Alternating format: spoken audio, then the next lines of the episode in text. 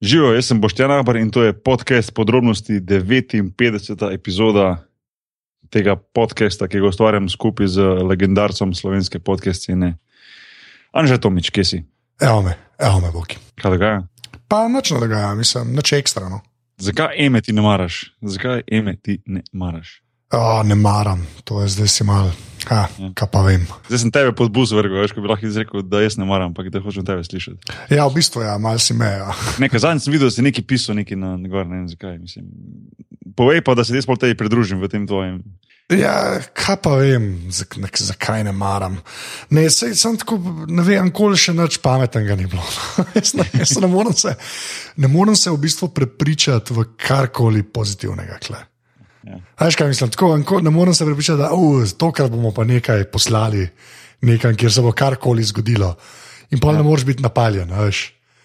Tako, ne vem, Ja, ne, ne morem se- to- Ne, pa se to se 100% strinjam s tabo, se to smo čist enakega mišljenja. Um, to, sem, se, to smo se že nekaj, sem se tudi na podrobnosti to pogovarjali. Ja, mislim, da smo se enkrat. Ja, Mogoče lani v tem času, ko se je to delalo. ja možno je. Ja, možno. Nekaj pa če sem skozi rekel, škoda, da sploh gre za tekmovanje, če bi bilo, bilo po mojem veliko boljše, bi bil enostavno festival pa konca, veš. ja se strinjam. Ja. Vsak svojo pesem predstavi, zastave mahajo, vsi smo veseli, na koncu pa vsi na pijačo pa konca. Točke pa levo, desno, madej. Ja, ja, dosti brez veze. Ja. Jaz sem te malo na levi nogi dobo, ko sem to. Ja, nisem, ni- nisem pričakoval, da boš, da boš s tem letel. To je bilo čisto spontano. Ja, Drugače si vreden. v redu sem, v redu sem. Aha, okay. Um, a jaz admin povem. Uh, Čakaj, še povedati, da smo v prejšnji pač epizodi v 58 smo imeli Weird za 9.9. Uh, mislim, da dosti pove, če rečem, da naslov te epizode je bil drevesni jastok. Ja, to vse pove. ne vem, kaj, kaj še naj zelo dodam, ampak enostavno, ja, pogovarjali smo se res o vseh, vseh eh, možnih različnih uh, weird zadevah, ki jih lahko internet ponudi. Tako da uh, z gostom, oziroma našim dopisnikom za weird zadeve, pižama, ki je zopet uletel za par zanimivimi. Pa tudi jaz, pa ti smo dodala svoje, tako da tiste, ki še niste poslušali, mogoče po- počekirite 58. epizodo podrobnosti. Izvolim že. Ja, no, drugače so pa podrobnosti pač na aparatus.si, tam najdete še vse ostale podcaste, uh, imajo podrobnosti tudi Twitter račun, ki ga fura naš sužen strokovnjak, na afna podrobnosti počrtaj si. Smo v iTunesih, dajte tam kakšno oceno, to pomaga, je pa cela mreža aparatus tudi na Facebooku, če nas tam pošač, da te najdete, pač aparatus.si napišete. Uh, sicer se nas da pa tudi podpreti. Tako kot vsakič rečemo, vsak evro prav pride in to je full res. Uh, to naredite pa tako, da greste na aparatus.si slash podpri oziroma na aparatus.si slash salca, ki jih je vedno, vedno manj, tako da pejte pogledat. Um, to Ja, mislim, da je nekaj, decimo- samo okoli 20 jih je še, okay. Mislim, da je že pod 20, mislim, da zdaj, ko tole snemamo, mislim, da jih je ne 18, sam še nekaj tazga. Ja. Pa jih pa nikoli več ne bo v tej obliki. Ne, ne bo, zagrete se. Še, To je res dejanski limited edition, ne tako, kot ljudje lažejo, da je limited edition. še dober ducat jih je. Ja, v bistvu je. Ducat in pol, evo, ducat in ja, pol. evo, bravo, bravo. Ja, ja. 16, pol, točno to. Uh, ja, tako tudi v mojem imenu, res, res hvala vsem, ki na tak pa drugačen način pomagate, da ta mreža še naprej deluje in da ta mreža, podcast mreža še naprej raste. Tako da en velik thanks tudi za vse ocene v iTunesih in uh, vso podporo, um, kot je že Anže omenil. Um, Mama še kaj takega za dodati? Uh, ne, mislim, da je to to. Je to to. Uh, danes je pa z nami uh, profesor dr. Tomaš Cviter, uh, človek, ki se, dogaja, ki se ukvarja z, z, z astronomijo, kaj več bomo potem povedali, tudi mogoče na hitro se bo sam predstavil. Ampak ja, rdeča nit bo tisto, kar mene pa že ta vedno zelo zanima, se pravi vesolje. Um, Uh, mislim, da je že kar nekaj časa preteklo, odkar smo na zadnje imeli samo to temo, da z enim, ki dejansko ve, o čem govori, ne, ne samo, ko mi nekaj blebetamo.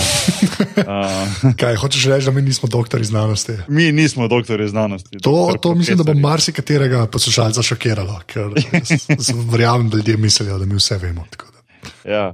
Uh, bomo pa Tomaža uh, Cvitra vprašali uh, pač o vseh teh novih odkritjih, ki so, se, um, ki so, oziroma odkritjih, ki so se zgodili v zadnjem, v zadnjem času. Nekaj vprašanj je tudi prišlo na naš uh, Twitter račun, tako da bomo tudi to izkoristili. Uh, ja, let, oziroma ne letošnja, današnja, oziroma tokratna epizoda pač ni, ni v živo na netu in tudi ni naše modrovalnice. Uh, ampak bomo pa pravili prihodnje, da, da spet to organiziramo, ker se mi zdi tudi kot ena fajn poteza. Tako da uh, boste pa prihodnje lahko bolj aktivno sodelovali pri kreiranju tega, tega podcasta. Um, še kaj za dodati? Ne, mislim, da je to to. To, pa, pa neč, Anže, štarte zadevo.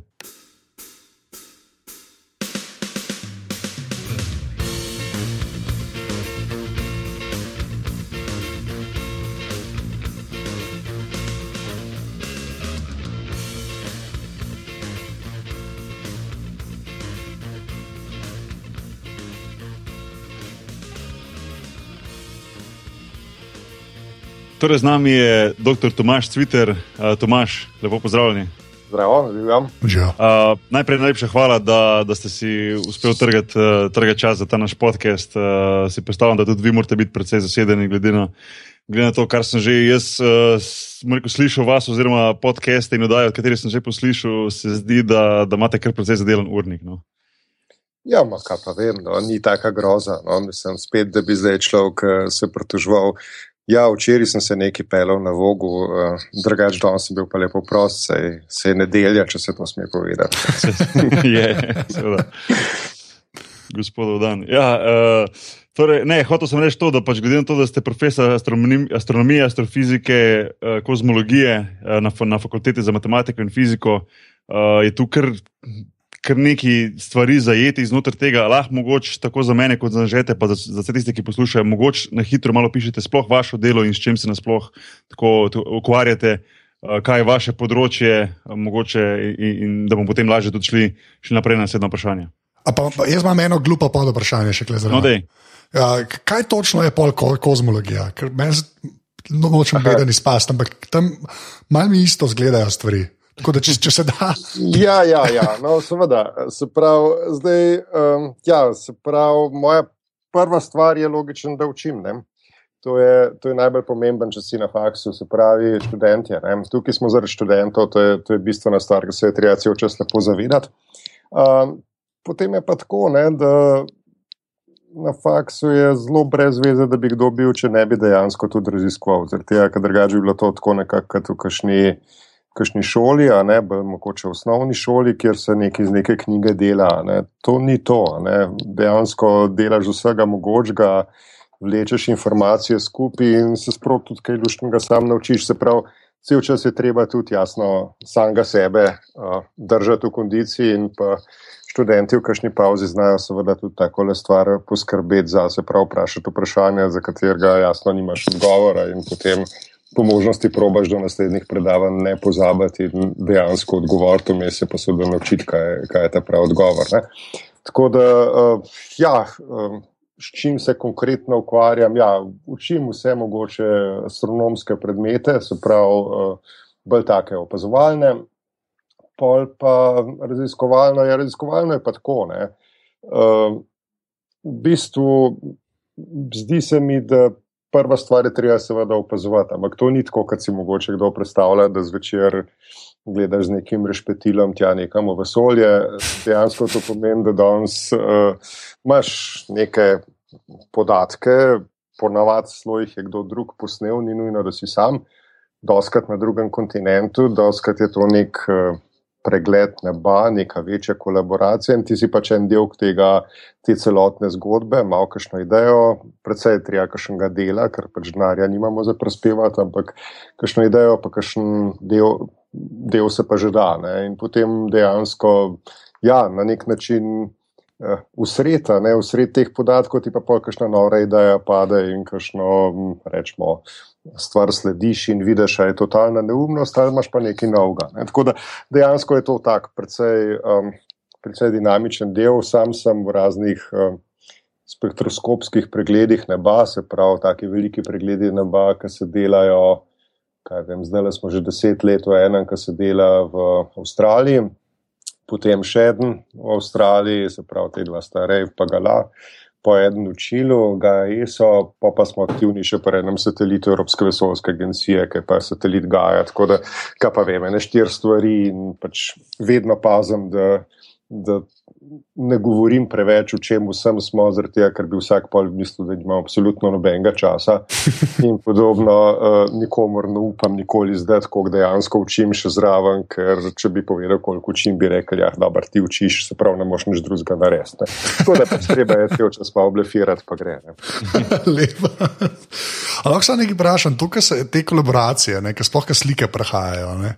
Mm. Kako, mislim, prek česa se to mogoče malo tako tehnično, ampak valjda vi nimate tako enega tin Dropboxa, pa si kaj stvari dajete. Ja, ja, zelo, zelo take stvari. A res? Ja, ja, zelo take stvari so. Uh, še zlasti, recimo, s kakšnimi avstralci, internetne povezave so malo slabše, kot se mi to predstavljamo. Se pravi, uh, na nek način je, um, kaj pa vem Slovenci tako radi jamramo, cel ljubi časa, ne? ampak eh, naše internetne povezave s svetom so absolutno normalne. Ne? Vrhunske so po eni strani. No. Ja, pa jaz potrdim, da smo vedno stojine probleme se povezati z, z Slovenijo. Ne?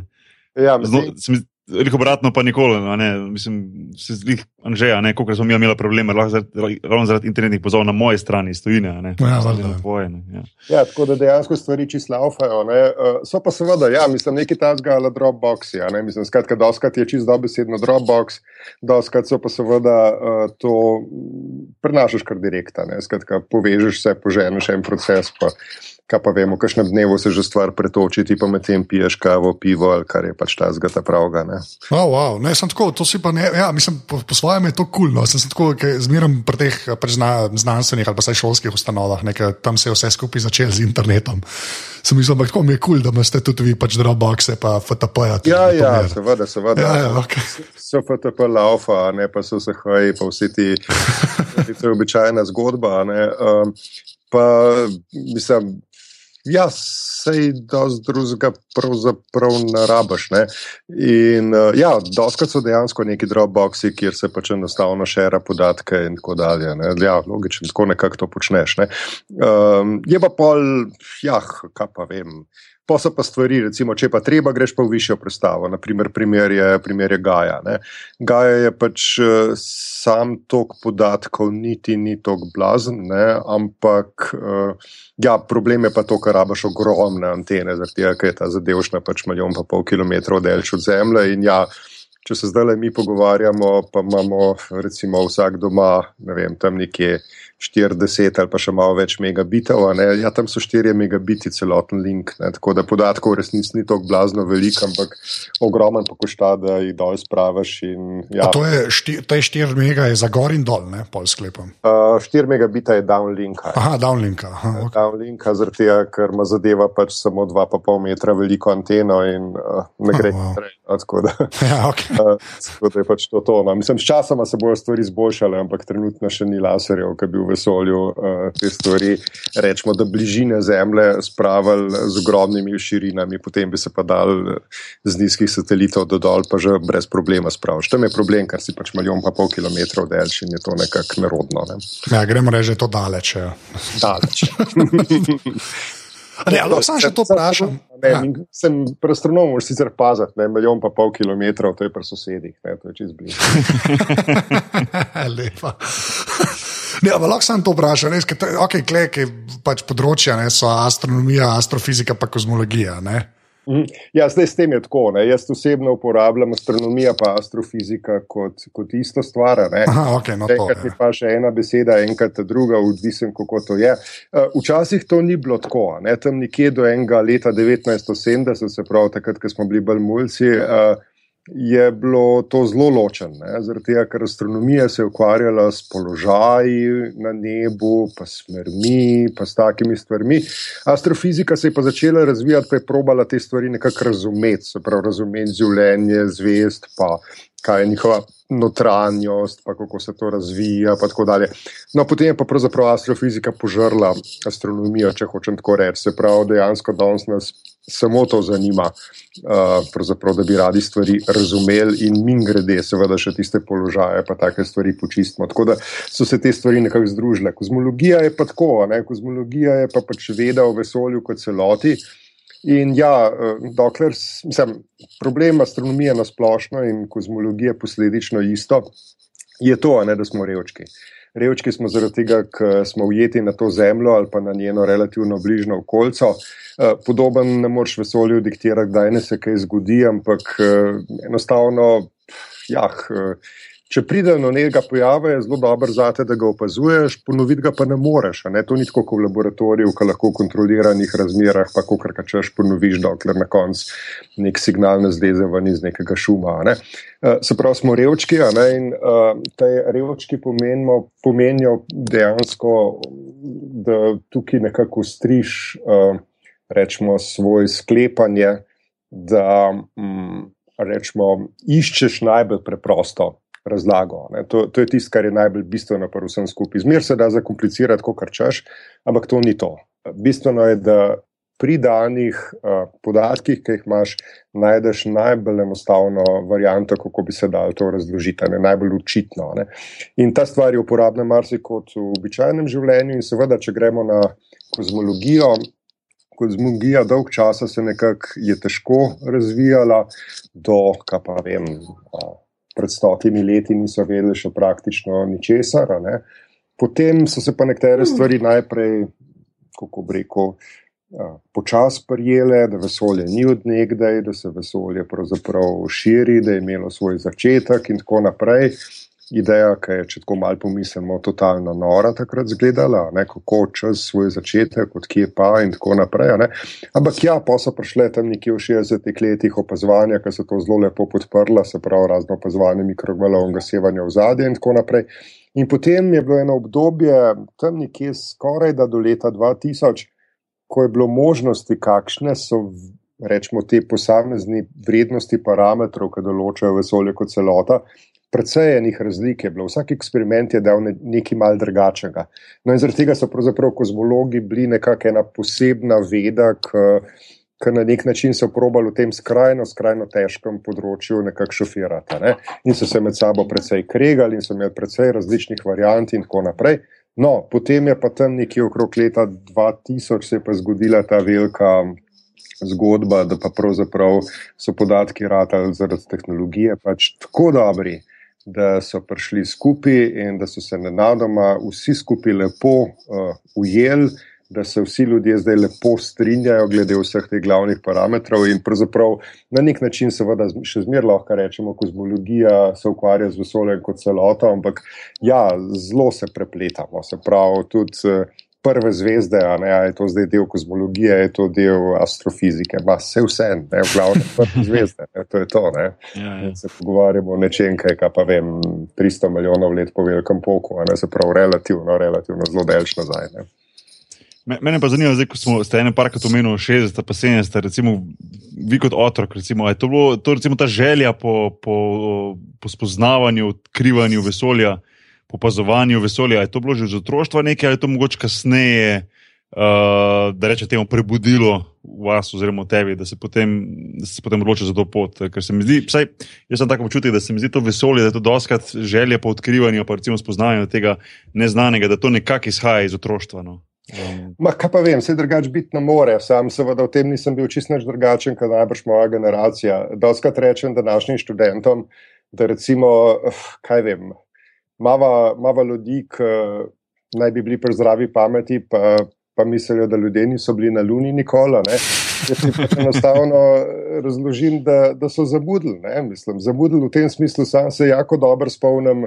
Ribariša in Brganta, ne, ki sta uživo komentirala uh, dogajanje na Luni, ki smo ga pač gledali na TV-ju. Se spomnim, nek major 67, leta 69 je to bilo takoj po Mehiški olimpijadi. In uh, ja, ne, mislim, to je bilo noro. Mislim, imel si televizijo, ki je bila stara eno leto, in potem si imel direktni prenos z Lune, ne? mislim, čista norišenca. To je takrat vse mulce in seveda jaz nisem bil čist naš drugačen, noro zanimal. Nikogar ni bilo, ki tega ne bi spremljal, pa ne samo mularijo in ne samo mogoče nekoga, ki bi ga kdo danes obdolžil kot nekega nervoslovnega ali tehničnega navdušenca. Vzem vas strnišo, ne, mislim, ja, strniša kot pesnika, ne, je zelo natančno sledil, kaj se je dogajalo takrat na področju raziskovanj vesolja in tako naprej. Ali pa vzem v, ne vem, Orion saksofon ali pa neke sodobne popevke. Takrat je pravzaprav celoten svet nekako norel okrog raziskovanja vesolja. Ne. Tako da te stvari so se sigurno, da takrat začela, kaj pa drugega. Sam polje pa treba nekaj upoštevati. Eh, človek mora biti zdravo skeptičen. Ne? Jaz sem pač seveda popolnoma upravičen v sklepu, da tega ne bom nikoli sposoben delati. Ne? In uh, sem zaradi tega sicer seveda me je zanimala fiska, pa gor pa dol, ampak sem mislil, da bom kaj čist drugega dela. Tam nekje na faksu sem pol pogrunto, ja, da mogoče se pa splača probat. Ne? Ampak to je pač, pač tako, ne? človek ne veš vnaprej, kaj se bo zgodilo. Življenje pač kar prenese, prenese. Pa seveda, mi grede, uh, taborniki so zelo koristna stvar še danes. Se pravi, uh, to, da si kdaj ponovadi zunaj, pa da ni treba imeti tiste svetilke skozi pažgane, pa da pač na kakšni nočni straži, ja, so pa pač tudi zvezde na tabo, pa je to lahko malo romantika, malo opazovanja, malo pa tega, da se da se navadiš biti enostavno po noč zunaj in se ne bojiš vsakega vetra in ne misliš, da je to že ne vem, kakšen slon ali medved, kjer zverka prihaja tam iz gozda. Ne. Tako da to bi bilo tudi danes uh, mulariji, pa tudi kakšnim ta starim zelo, zelo, zelo koristno, da bi kdaj šli brez baterije kam okroka in bi videli, da svet sploh ni tako grozen. Ne. Ali se tako prej ti zluno, pa to ne. Ja. Kakšna je pa toleranca recimo, do, do teh res norih? Uh, pač teh konspiracijskih teorijev. Tako se mi zdi, jaz, jaz pač jaz imam res tako ničelno, že ne vem več, jaz tako nervozen ratam pri teh stvareh. Sam me res zanima, tako kot nekdo, ki se res pač z hardcore sciencem obada. Ja, pa potem take stvari, tako res čist vaš odnos, ne zdaj nočem tako, ampak res me ja, zanima, ja. Pač kaj je, ki slišite te zadeve. ja, s tem je tako. Ne. Človek probal sta tu luden, da češ, ne, mislim, to moraš, ne, ker zlasti, mislim, kaj vem, če je to en mulj, pa ga nadaril, sem ga nadaril z pozicije avtoritete, kar ni dobro. Ja. Pa to nekdo, ki je deset let starejši, ga pa težko nadrema, ne, mislim, saj tako na prvo žogo, mora že kakšno večjo neumnost zraven izjaviti.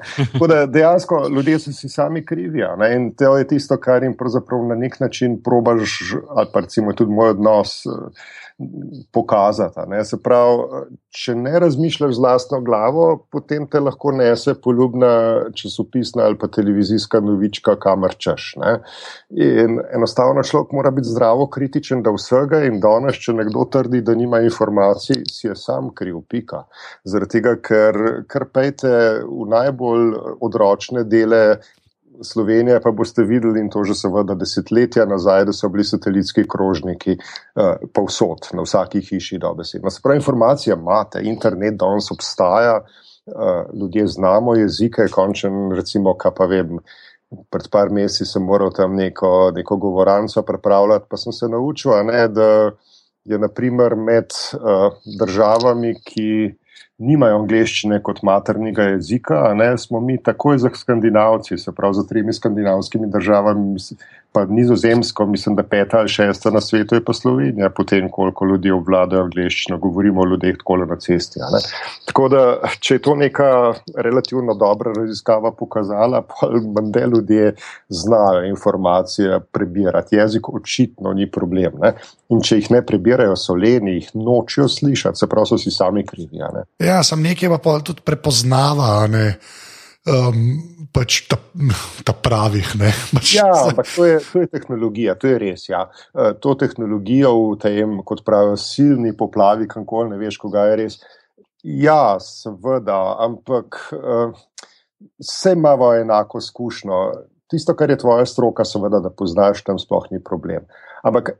Če jaz berem o nekem biološkem odkritju, ali pa če me zanima zgodovina jezikov, ja, počasi z nekim tako nepoznavanjem, ampak relativno z precejšno gostovostjo človek hiter vid, a je nekaj resno ali pa ni resno mišljeno. Še zmeri, seveda, logično, lahko se zgodi, da nasedeš. Ampak eh, tako, ni tako grozen, težko biti nekako zdravo, kritičen, tudi če nisi strokovnjak določene stroke. Mislim, poleg tega obstajajo neki zunani zgodbe, imaš recimo, kaj pa vem. Eh, če govorimo o znanosti, če boste brali, naprimer, Guardian, najbrž ne boste dobili samih eh, plev, ampak bo zrna. Mislim, čeprav prav, kdaj se kakšna svetka tudi not najde, se zgodi, za koga pa ne. ne? Ampak, uh, podoben. Ne? Mislim, skratka, imaš nek nabor. Um, pa, če bereš, ne vem, od nas, naprimer iz mojega področja, če bereš od nas obvestila za javnost, ja, zelo napihnjena so.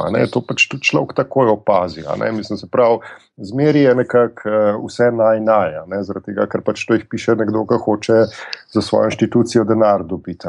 Tako da pač malo moš sjeti te informacije. Ne? ne pomeni to, da če piše nekje nasa.gov, da je pa to samo zlato. Ne? mogoče so napisali še malo bolj lepo, zato da bo v kongresu dobil večkrat večji budžet.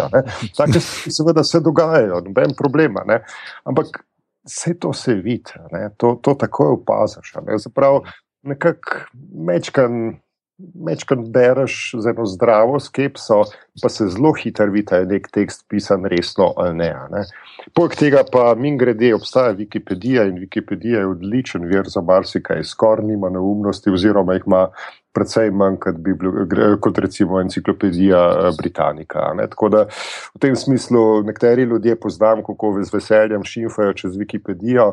Je za Boga, ne jo pa zboljšajo, se vsak lahko ureja. to je dosti res. Ja.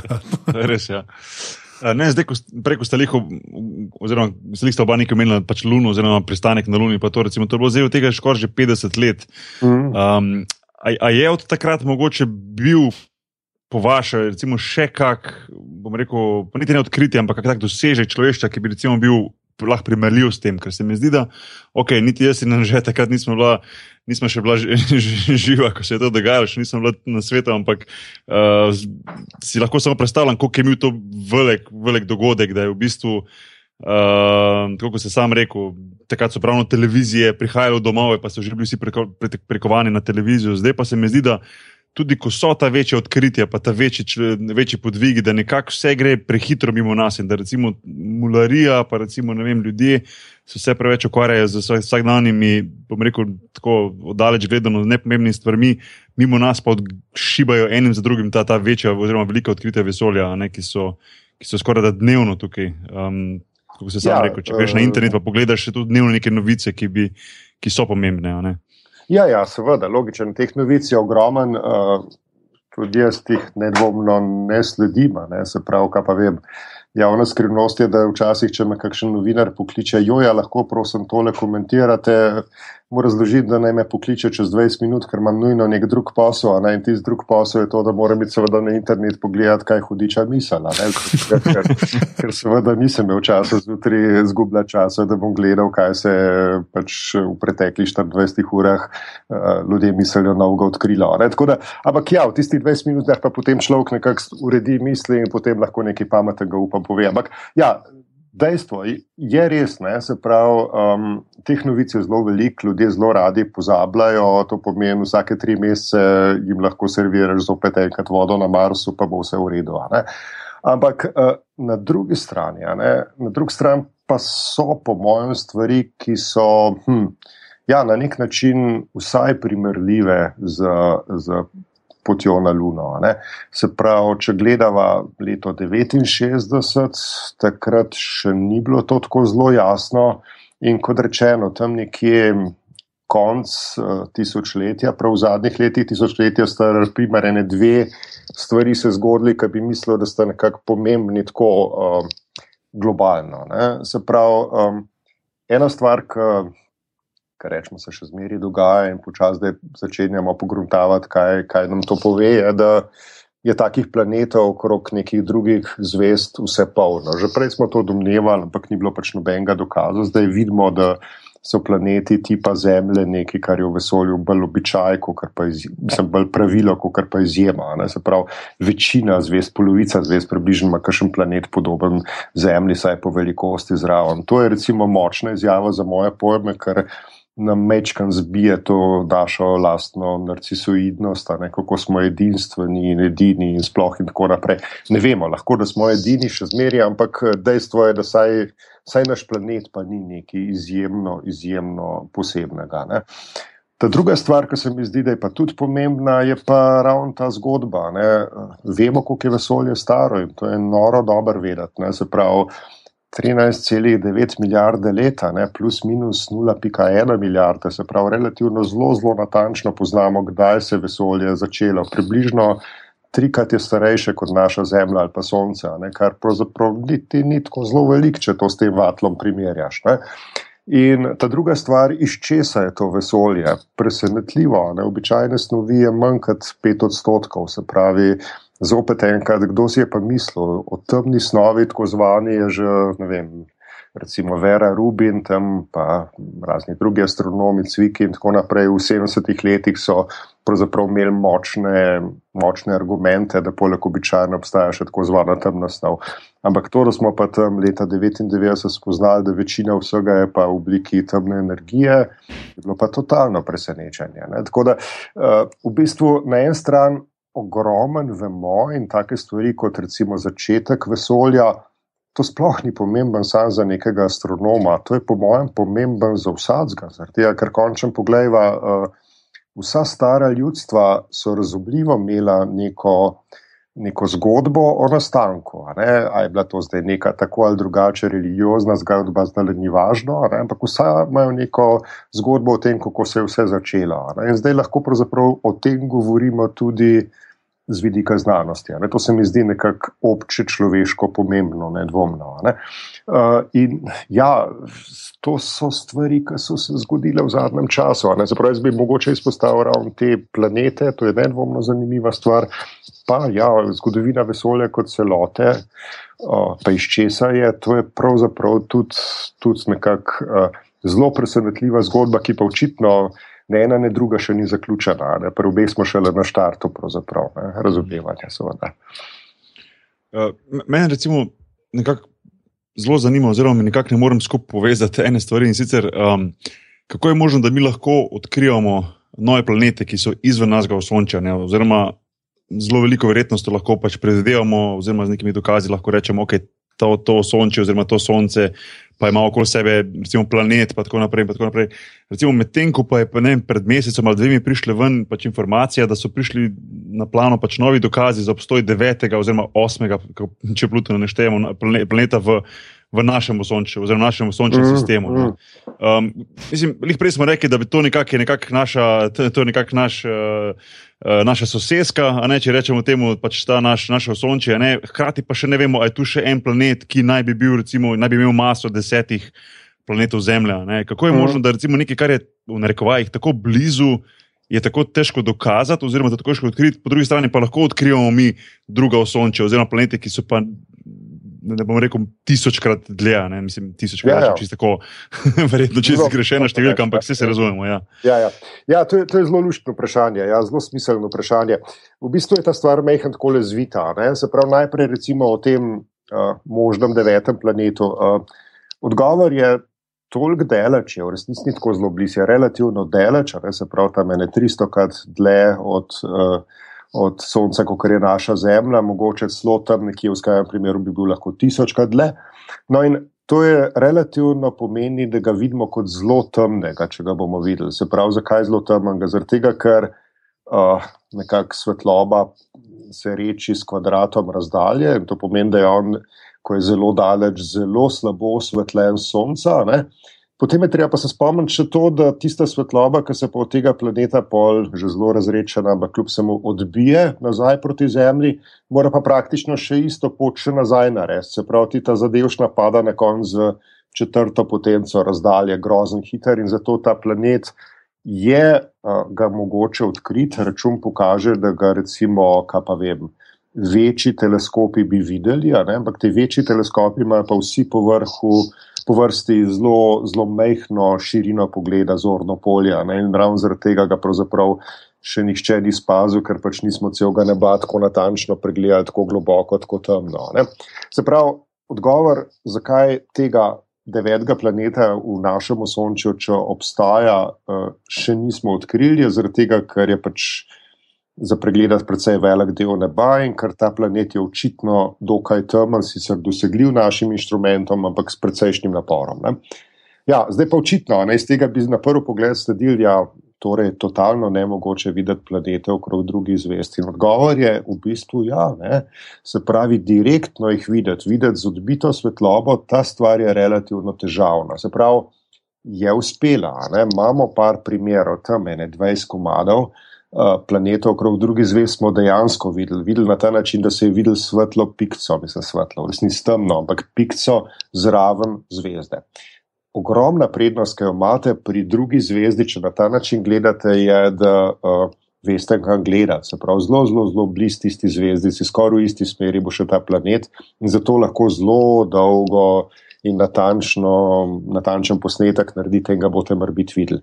Ampak V resnici pa, rekli smo, 20 so jih približno na ta način opazili, v resnici je to zelo težek posel. Zelo težko je videti neposredno planet okrog druge zvezde, ker, uh, ja, ker je temen in ker je zraven tista nesrečna svetla zvezda, ki te totalno preslepiti hoče. Ne? In zaradi tega skoraj da vsi, se pravi, z izjemo 20, ostalih 2000 in še nekaj, je bilo pa odkritih drugačne. In ta drugač pomeni, da jih nismo neposredno videli, ampak zelo natančno vemo, da so tam. Finti sta pravzaprav v glavnem dve. Ne? Ena finta je, da če imate planet, ki gre okrog zvezde, se lahko zgodi, da bo šel tudi pred zvezdo, se pravi, da bo v nekem trenutku ne, med nami in zvezdo, bo mečkan zvezde pokril. Zdaj, koliko jo bo pokril? Ja, recimo, Jupiter je desetkrat manjši od našega Sonca. Ker je to ploščica, ne, pa gre to za to pol deset, kar deset, se pravi stotinko svetlobe sonca bi lahko pokril. Stotinka ni zelo velika, ampak nekaj pa je. Ne. Se pravi, za stotinko bi bilo sonce temnejše, če bi se Jupiter znašel vmes. Eh, zdaj, če imate manjši planet kot je Zemlja, je seveda ta. Kot zvezda na videzno, potem ni še dost manj. Ne. Zemlja je stotinka polmera Sonca, se pravi, ima deset tisočinkov te potemni. Zaradi tega so morali to delati s Keplerjevim teleskopom v vesolju, ker deset tisočinka je praktično nemerljiva zemlja v vsem vremenu in vseh ostalih težavah. Ne. Ampak, skratka, vidite periodična, ponavljajoča se kot urca natančna pokrivanja, ki jih v bistvu opaste, potem da zvezda mečkan potem ni. To čisto vse, treba pa še preveriti, da ni šlo za kakšno drugo zgodbo, da ni zvezda kakšnega drugega razloga imela, da je ratala tam, ampak to stvar se da zelo kredibilno narediti. Se pravi, to je čisto geometrijska stvar, srečo imam, planet je slučajno šel spredaj. Lahko bi šel pa zgoraj ali pa spodaj, če pač njegova tirnica nagnjena, ampak če imam srečo, se pa da in ker veste, da je planetom totalno vse, ki so zemljani, zaradi tega veste, da so stvari na ključno obrnjene in lahko izračunate, kakšna je verjetnost za to. Se pravi, tudi če smo jih sam nekaj videli, naprimer par tisoč smo jih videli, lahko z tega takoj sklepate, koliko milijonov jih pa v resnici mora biti. Skratka, se da fino ovrednotiti, koliko slabo uh, znate opazovati, po domač povedati, koliko sreče morate imeti. Pa je pa še ena ta druga finta. Ta druga finta, ki je bila pravzaprav tam leta, kaj je to zdaj, 20 let nazaj, leta 95, ko so prve planete nekako tako uh, zares um, odkrili, a ne okrog drugih zvezd. Uh, pa ni bila ideja, da bi šel planet torej pred zvezdico in bi jo s tem malenkost potemnil, kadar je spredi, ampak je bila ideja to, da uh, ja, planet kroži okrog zvezde, seveda jo vleče ga, kaj je zem, pač ta gravitacija, težnost, a ne zvezde. In to je približno tako, kot če imaš enega, kaj pa vem, rečva, malo debelušenega očeta, ne? pa enega mačkanga otroka. Ne? Na prvi pogled bo ta oče zgrabil otroka za roko in ga bo sukal v krog in se bo unvrtel in vrisko in sploh bo veselje videti. Ne? Ampak, če bolj natančno pogledate, boste ugotovili, da kljub temu, da ta oče tehta mora biti 100 kg, v otrokih pa pa mora biti, ne vem, 10 kg če je bolj mečkan, se bo moral tudi ta oče mečkan tako nazaj nagniti. Tudi on ne bo čist na mir, tudi on bo moral mečkan kompenzirati to, da ga vleče ta otroka. Ne? Isto je s planetom pa zvezdo. Se pravi, zvezda ima seveda bistveno več mase, več snovi kot planet, ampak glih tako mečkan mora krožiti ravno na drug stran središča, se pravi, središča, se pravi tega težišča. Ne? In posledično zvezda bo tudi šla po enem takem čist, čist, čist mečkanem krokcu. In na tem krokcu se bo mehen nam približvala, pa mehen oddaljevala, pa približvala, pa oddaljevala. In če mi merimo, koliko hitro se nam približuje in oddaljuje, zelo, zelo natančno bomo videli ta vzorec izmeničnega približevanja in oddaljevanja, ki je posledica tega, da ima zvezda zraven še en takle planeta. Ne? Tako da to je pa ta, ta druga finta, tim, finta, ki se reče radijalna hitrost. Ideja gre iz 19. stoletja, osnovna ideja je že Newtonova ideja, se pravi, da bi se to dal lahko zgoditi, ampak tehnologija je pa prišla leta 95, ne, zaradi tega, ker ste pač se morali naučiti izjemno natančno meriti hitrosti. Namreč tukaj le hitrost meriš, ko jo primerjaš s hitrostjo svetlobe.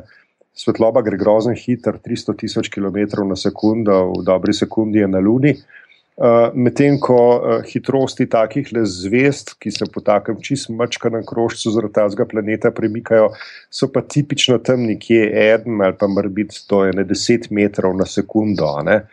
En meter na sekundo je 3,6 km na uro, 10 metrov na sekundo je 36 km na uro. Prav, to so približno brzine, s katerimi se mi gibamo, če se po cesti premikamo. In ja, sej na Zemlji znamo že dolg časa hitrost meriti svetlobo relativno natančno pri takih le hitrostih pomislimo končno na, na policijski radar. Ne? Ampak seveda, policajte to meri stotih metrov razdalje, če se mu roka preveč ne trese. Medtem, tukaj le, ne, se pogovarjamo pa o meritvi na ogromne razdalje in seveda izjemno, izjemno temnih izvorov, ker te zvezde seveda so imajo malo svetlobe, relativno, ko prije do Zemlje. Ne? In je zaradi tega ta tehnologija, da se je to dal narediti tako natančen, je trajalo pač do leta 95 in danes pa to tehnologijo nekako imamo. Ne? Se pravi, danes se da meriti recimo na slab meter na sekundo, natančno hitrosti. Oh, wow, okay. Fantazija v primerjavi s 300 tisoč km na sekundo, recimo ne tako zelo delč v prihodnosti, nekako v desetih letih, pa se računa, da bo imel pa tam nekje par centimetrov na sekundo, ne, kar je pa noro. Mislim, v tem smislu je to zelo, zelo, zelo močna tehnika, ki ti pač uh, pokaže, da stehtati pravzaprav un ta drug planet, ki ga niti ne vidiš. Ne. Tako da, pa, pa če te dve stvari skam združiš, pa si pa sploh na konju. Lahko se zgodi, da imaš planet, ki ki zvezda malo tako legunca, da gre k tebi, pa preč od tebe, pa s tem pogruntaš, kakšno maso ima ta planet, pa kako delči od zvezde, na drugi strani imaš pa še to, da uh, gre preko njenjo rahlo potemni vsakača. Ne? Na ta način imaš pa še njegovo velikost v primerjavi z velikostjo zvezde. Se pravi, imaš nenadoma, koliko je velik, pa koliko je težek, s tem, koliko je gost. No, to je pa že kar zanimivo. Ne? Pa koliko je daleč, pomeni, da lahko še njegova temperatura človek pogrunta. Tako da se da že kar nekaj stvari narediti. Ne? Zdaj, edino, kar nam gre še relativno slabo, je pa atmosfere planetov uh, v bistvu kemično proučevati. Se pravi, v posebno, kaj smo temu reči, srečnih primerih so jih uspeli dobiti, ampak eh, to je tako. To so taki bolj, bolj ubogi planeti. Se pravi, planet, ki je tako blizu zvezde, da ga ta zvezda dobesedno cmari in vse šprica zdaj ga ven in vse. Uh, pač skratka, divje ven, ven leti, ne? in potem temu rečeš, da si zmeril atmosfero tega planeta. Na nek način da, ampak v resnici ta planet ga bo v parih milijonih let totalno, totalno smrl. Mm. Tako da to ni nekaj tazga, kar bi recimo za nas zemljane bilo primerno in bo treba še ne deset let počakati, da bomo pa to sposobni zmeriti. No, no, se to je bilo moje podprašanje, lih to recimo odkrit, uh, iz česa potem je ta planet, je verjetno najtežje. Ne? Se to ste za nek način že ja, govorili. Uh, recimo maso lahko lahko določiš, oziroma se zagotovi težo, ja. se lahko ugotovi uh, ja, velikost. Ja, ja, velikost imaš, gostoto imaš. Uh, uh -huh. Zdaj je verjeten skala, ne? zdaj iz kašnih skal. Ja, tisti, kar so dobri, več poseben, ga pač videl se je natri, videl se je kisik, videl se je uh, ugljik, recimo stvari, ki jih seveda pričakuješ, silici. Recimo, uh, zdaj, uh, ja, kar bi bilo pa zares zabavno, pa naprimer ne dobiti kisik. Kisik ni nič posebenega, kisik je tretji najbolj pogost element v vesolju, tako za vodikom, pa helijem. Tako da kisik v vesolju ni nič posebenega, ampak uh, O2, ne, se pravi kisikova molekula, to pa je nekaj posebenega v atmosferi, zaradi tega, ker je tako divja reaktivna, da bi grozno rada zreagirala s čimarkoli. Vsaj na Zemlji imamo izkušnjo, da pač kisika ne bi bilo v atmosferi, če ne bi bilo življenja na Zemlji. Se pravi, mogoče se pa smemo obrniti ta argument tudi do kroka, ne, da če vidiš molekule kisika, pa rečeš, da jih mora nekdo dobavljati v atmosfero. Na Zemlji je to nedvomno človeško življenje, oziroma ne človeško, ampak nasplošno življenje. Mm -hmm. Uh, ja, v, v, v zadnjem času je zdaj bilo kar veliko govora, oziroma novica, ki je morda bila najbolj odmevna, je bilo recimo uh, odkritje gravitacijskih valov. Um, zdaj ne vem, že koliko ti se to razumeš in kaj nam to pove, veš. Ampak jaz sem pač probo si te malo prebrati uh, na različnih straneh, ampak vseeno se mi zdi, da če nisi toliko o tem, vseeno težko razumeš uh, ta pojem oziroma to odkritje. Lahko mogoče malo mal, mal, mal povete o tem, recimo, kaj nam, nam je to dalo, kaj nam to pove, zakaj je to odkritje bilo tako pomembno, ker, uh, kot sem jaz tudi samo uspel zaslediti, je to nekaj, kar smo smo kot pač človeštvo iskali, oziroma kot znanstveniki, da so iskali uh, že nekaj stoletja, nekaj napovedal jih je že sam uh, ta slavni fizik, uh, normalno Albert Einstein. Ne? Ampak dokaze zdaj odkriti po stotih letih, zakaj je to tako pomembno za nadaljne odkritje? Ja, v bistvu, kaj pa vem. Uh, stvar je predvsej, ima več načinov, na več načinov lahko odgovoriš na to. Zaprav, ena stvar je, ja, res je. Uh, od leta 1915 je zdaj minilo sto let, nekako, ne se pravi, od njegove teorije in s tem, od ideje, da bi najbrž neki valovi se morali širiti skozi prostor, če zelo hitro, zelo masivna telesa premeščate, se pravi, če spremenjajo svoj položaj. Zdaj, uh, ja, sama ideja, da te valovi so ali niso, pravzaprav o tem ni nihče dvomil. Se pravi, uh, končno so tam nek uh, dvojni pulzar, se pravi, dve taki izredno gosti zvezdici, kako rošte eno okrog druge, opazovali že tam nekje na koncu 60-ih let in je potem uh, celo Nobelova nagrada bila za to, ker so ugotovili, da se te dve zvezdici pravzaprav zgubljata energijo na račun na tanko, tako kot so napovedala Einsteinova splošna teorija relativnosti, torej kot so uh, jesevanje gravitacijskih valov uh, to lahko pojasnilo. Tako da obstoj gravitacijskih valov pravzaprav nišče ni dvomovanega, ampak ne, je pa to tako, ne, uh, to, da nekaj veš, da imaš, še ne pomeni, da seveda ne bi raz tega neposredno zmero. To je prva stvar. Druga stvar pa, gravitacijski valovi so zanimivi zaradi tega, ker ti odpirajo eno čist novo okno. Namreč, uh, če se pogovarjamo o našem osončju, potem ga večinoma danes tako raziskujemo, da gremo tja enostavno pogledamo, kaj tam je. Ne? Mislim, se pravi na samem mestu, ne pošlješ sondo, pa je. Zdaj, do drugih zvest, ne zdaj in ne v kakšni, kakorkoli bližnji prihodnosti, ne bomo nikoli pršali. Se pravi, uh, tam je treba opazovati na razdaljo. In možnosti, ki jih imaš, so ja, predvsem svetloba vseh mogočih vrst. Potem, uh, ja, lahko načelno opazuješ kakšne delce, recimo kakšni neutrini preletijo z kakšnih zvezdnih eksplozij, mogoče kakšni nabiti delci, tako zvani kozmični žar, ki lahko preletijo, čeprav tam ne veš točno iz kere smeri pravzaprav prihajajo uh, in iz kjerega izvora. No, potem je pa zdaj. Ti gravitacijski valovi so pa nekako še eno okno, ne? okno, ki pravzaprav nam priča o tem, da s tem, ko se ta prostor zatrese rahlo, da so se tam neke mase premaknile in da se je pač nekaj zelo divjega zgodilo, eh, lahko pa tudi zelo daleč. Tako da je to nek čist, čist nov način opazovanja. Zdaj pa na koncu bi pa človek rekel. Torej, nov način opazovanja, jaz pričakujem, da za tem opazovanjem verjetno se pogovarjamo, kveče bo v mesecih, ko bo še kakšen dogodek zaznan. Zdaj se zelo verjetno začenja plazati, bi se sprožati neke vrste plasti dogodkov. Ne? Se pravi, bo nekako to zanimiva zgodba tudi v prihodnje. Ta druga stvar, ki je pa treba tudi omeniti, končen, je pa, um, marsikomu mogoče ni jasno, tam tisti Taylor, skratka, 40 let nazaj s tistim pulzarjem, pa tako naprej, potem so pa delali dobesedno desetletja. Ne?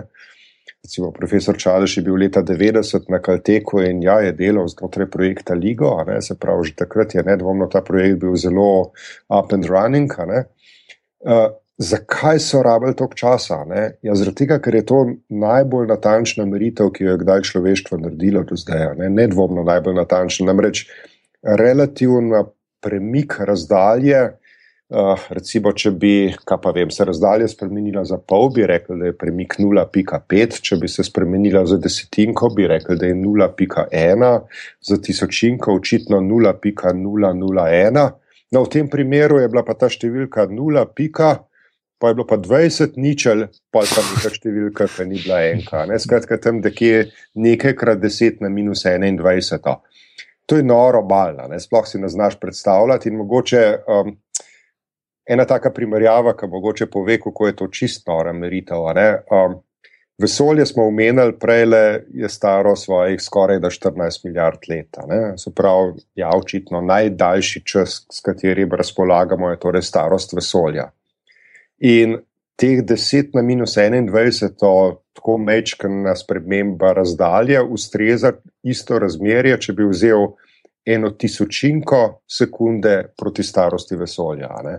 Skratka, tisočinka sekunde je nekaj, kar, kar pa vem, je Tina Maza za uh, tri nohte uh, premagala nekoga drugega, no, Tina Maza jih je za več, no, ampak skratka, ne, uh, govorimo o nečem delu, delu smučarskega čevla, ki gre skozi ciljno črto, to je tisočinka sekunde, a ne.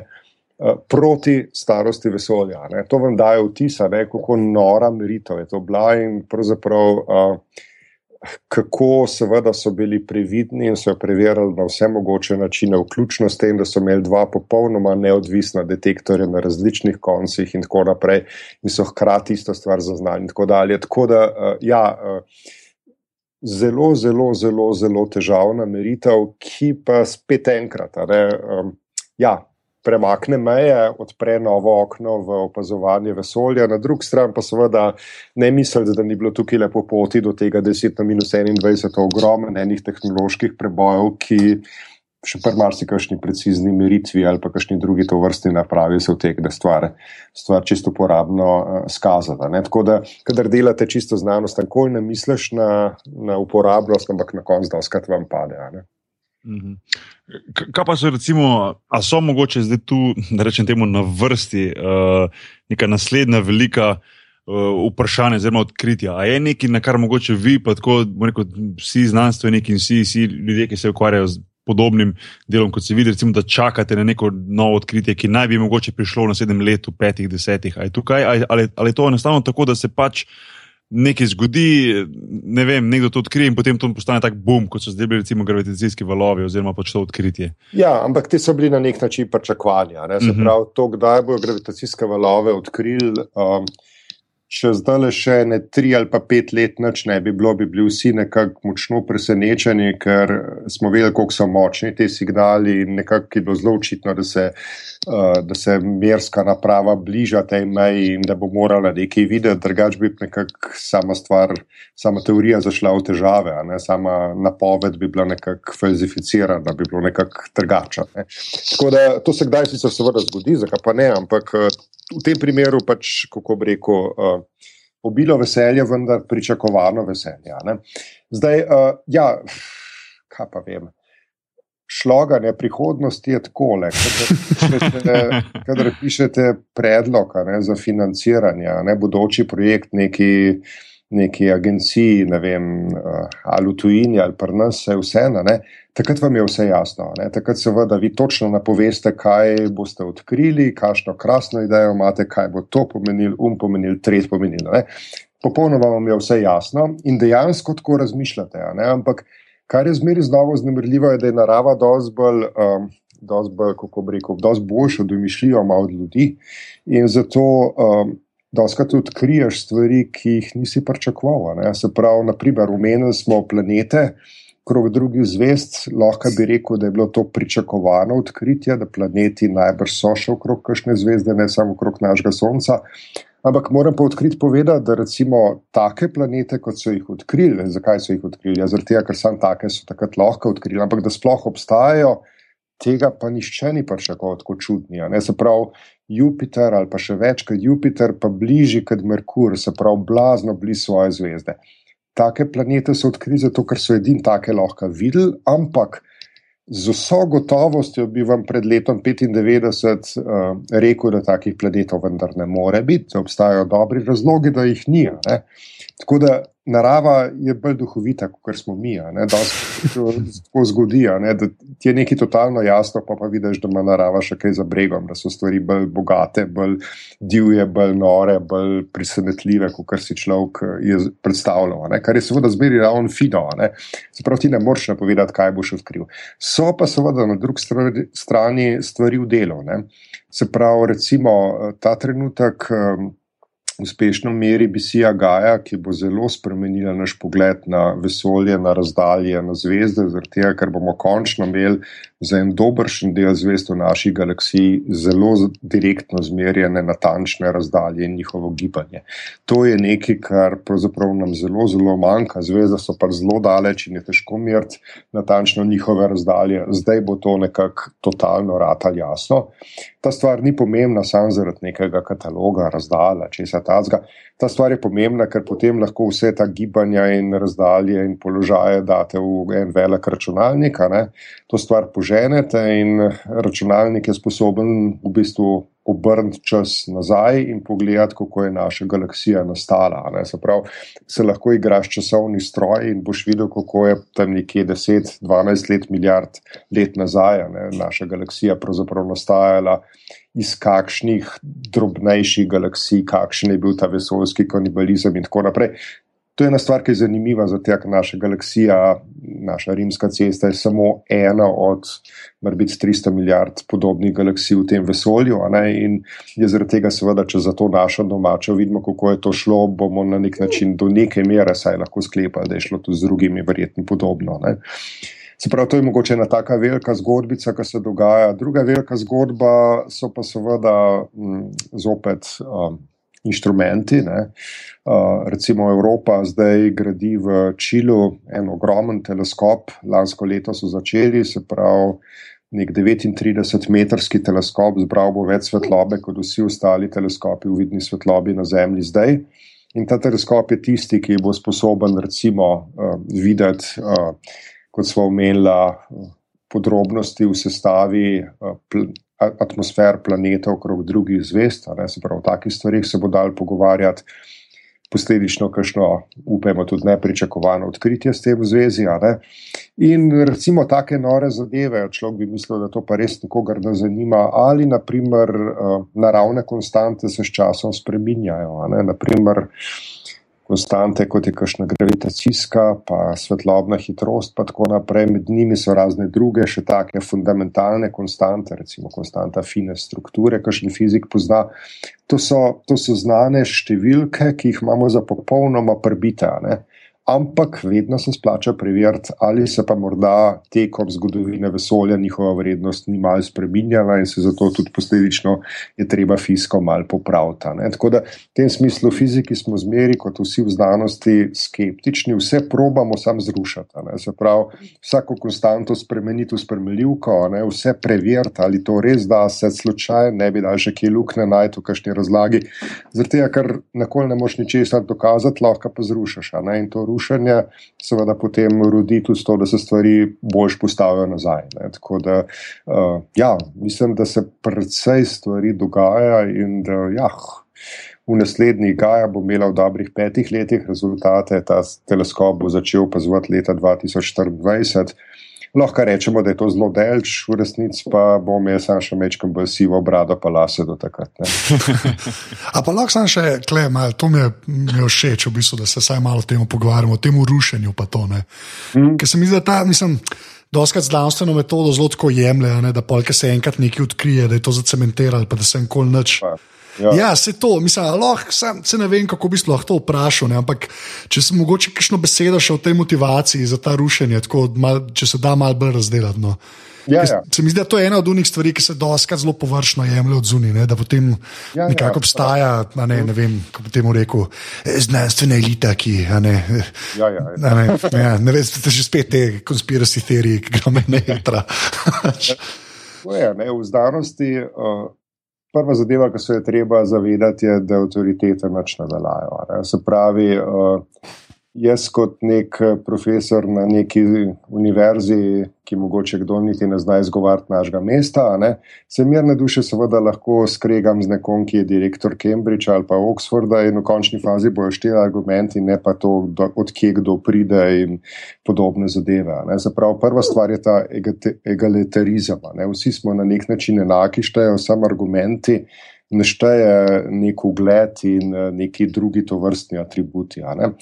In posledično, ne, stvari se dela tako, da ti probaš, če se le da, ne, ugotoviti, ali je neko tvoje meritev, tvoje opazovanje, karkoli podobnega, a se res z nekimi razlagami to sklada ali pa tudi ne. ne.